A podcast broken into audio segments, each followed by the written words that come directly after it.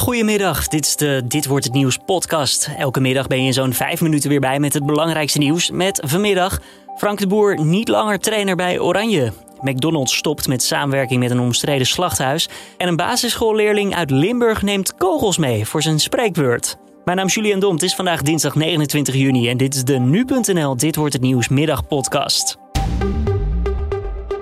Frank de Boer is weg bij Oranje. Hij stapt op als bondscoach van het Nederlands elftal. Nu we zijn uitgeschakeld op het EK. De doelstelling is niet gehaald. De bedoeling was namelijk dat we de halve finale zouden halen.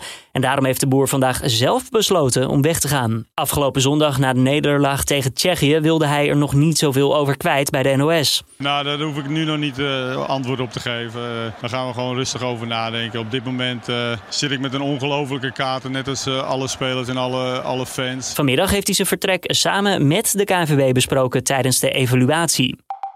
Misschien is het jezelf ook wel opgevallen in het OV. Sinds de mondkapjesplicht is afgeschaft, dragen ook in de trein of de bus minder mensen er eentje. Terwijl daar natuurlijk nog steeds verplicht is. Brancheorganisatie OVNL is niet blij, want je kan in het OV niet altijd die anderhalve meter afstand houden.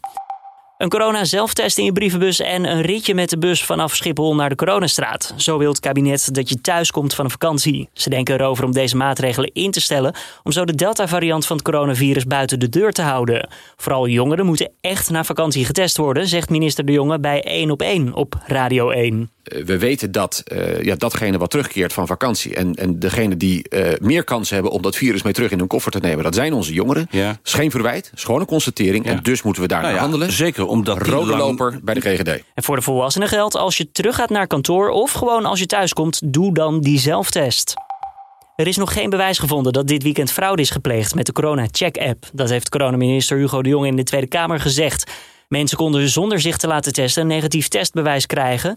Of er werd gebruik gemaakt van printscreens. Je hoort de jongen daarover. Dus een printscreen van een QR-code kan nooit toegang geven. Want je moet uh, daarnaast je ID-bewijs laten zien. Daar staan je initialen op en je geboortedatum. Dus daarmee wordt gecontroleerd. En die QR-code wordt om de zoveel minuten ververst. Hè. Dus er zitten allerlei veiligheidschecks zitten erop. En na nieuws meldde dit weekend dat er juist wel werd geknoeid met die testbewijzen.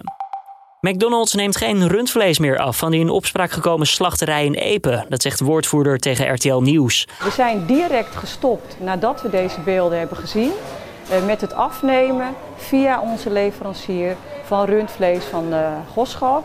En dat ging om ongeveer zo'n 20% voor rundvlees van de reguliere hamburgerproducten. Uit undercoverbeelden bleek dat medewerkers van de slachterij de dieren mishandelden. Dat gebeurde door ze te slaan en door ze stroomschokken te geven.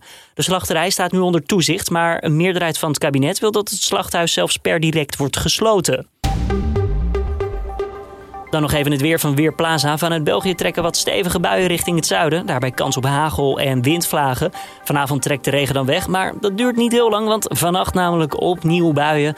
En morgen dan een wisselvallige dag met een temperatuur van zo'n 18 graden. Ja, nog even een bizar voorval dan op een basisschool in Roermond. Een kind van een jaar of tien heeft tijdens een spreekbeurt namelijk kogels uitgedeeld. Dat schrijft 1 Limburg. Ouders en leerlingen zijn erg geschrokken en de politie is ook ingeschakeld. De school laat verder niets erover los tegen de regionale omroep. Het is ook onduidelijk hoeveel kogels er uiteindelijk zijn uitgedeeld of wat voor cijfer het kind voor zijn spreekbeurt heeft gekregen. En dit was hem dan weer, de Dit Wordt Nieuws podcast van deze dinsdag 29 juni. Tips of feedback zijn altijd welkom. Kan je sturen naar podcast.nu.nl.